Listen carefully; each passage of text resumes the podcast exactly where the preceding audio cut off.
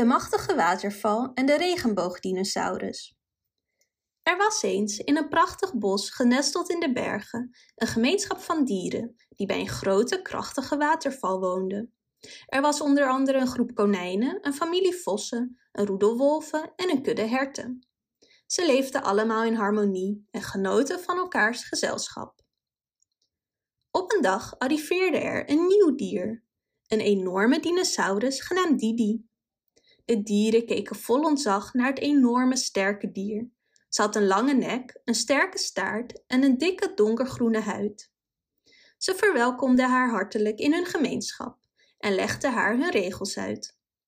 De belangrijkste regel was: ook al is de waterval prachtig, kom er niet bij in de buurt. De waterval is sterk en verraderlijk en de kracht ervan zuigt je onder water en je komt niet meer boven. Maar Didi hield ervan om het bos en het water te verkennen. En ze hield ervan om nieuwe dingen uit te proberen. Dus besloot ze op een dag de enorme krachtige waterval die door het bos stroomde te onderzoeken.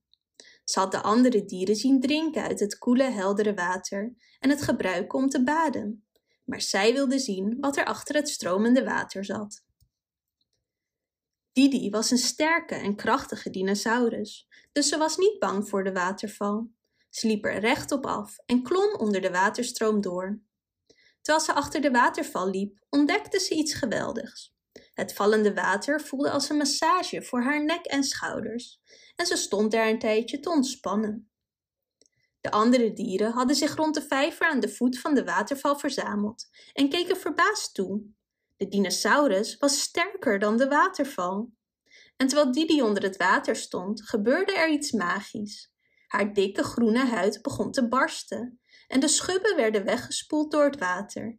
En het, en het onthulde een prachtige, glinsterende regenbooghuid.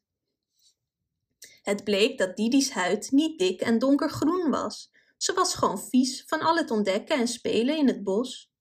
Didi was verbaasd over deze ontdekking en de andere dieren ook. Zoiets hadden ze nog nooit gezien.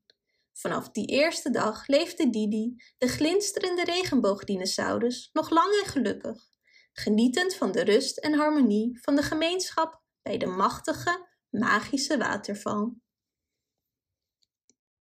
Bedankt voor het luisteren. Wist je dat je dit verhaal ook op onze website ririro.com/nl kunt lezen, downloaden en printen?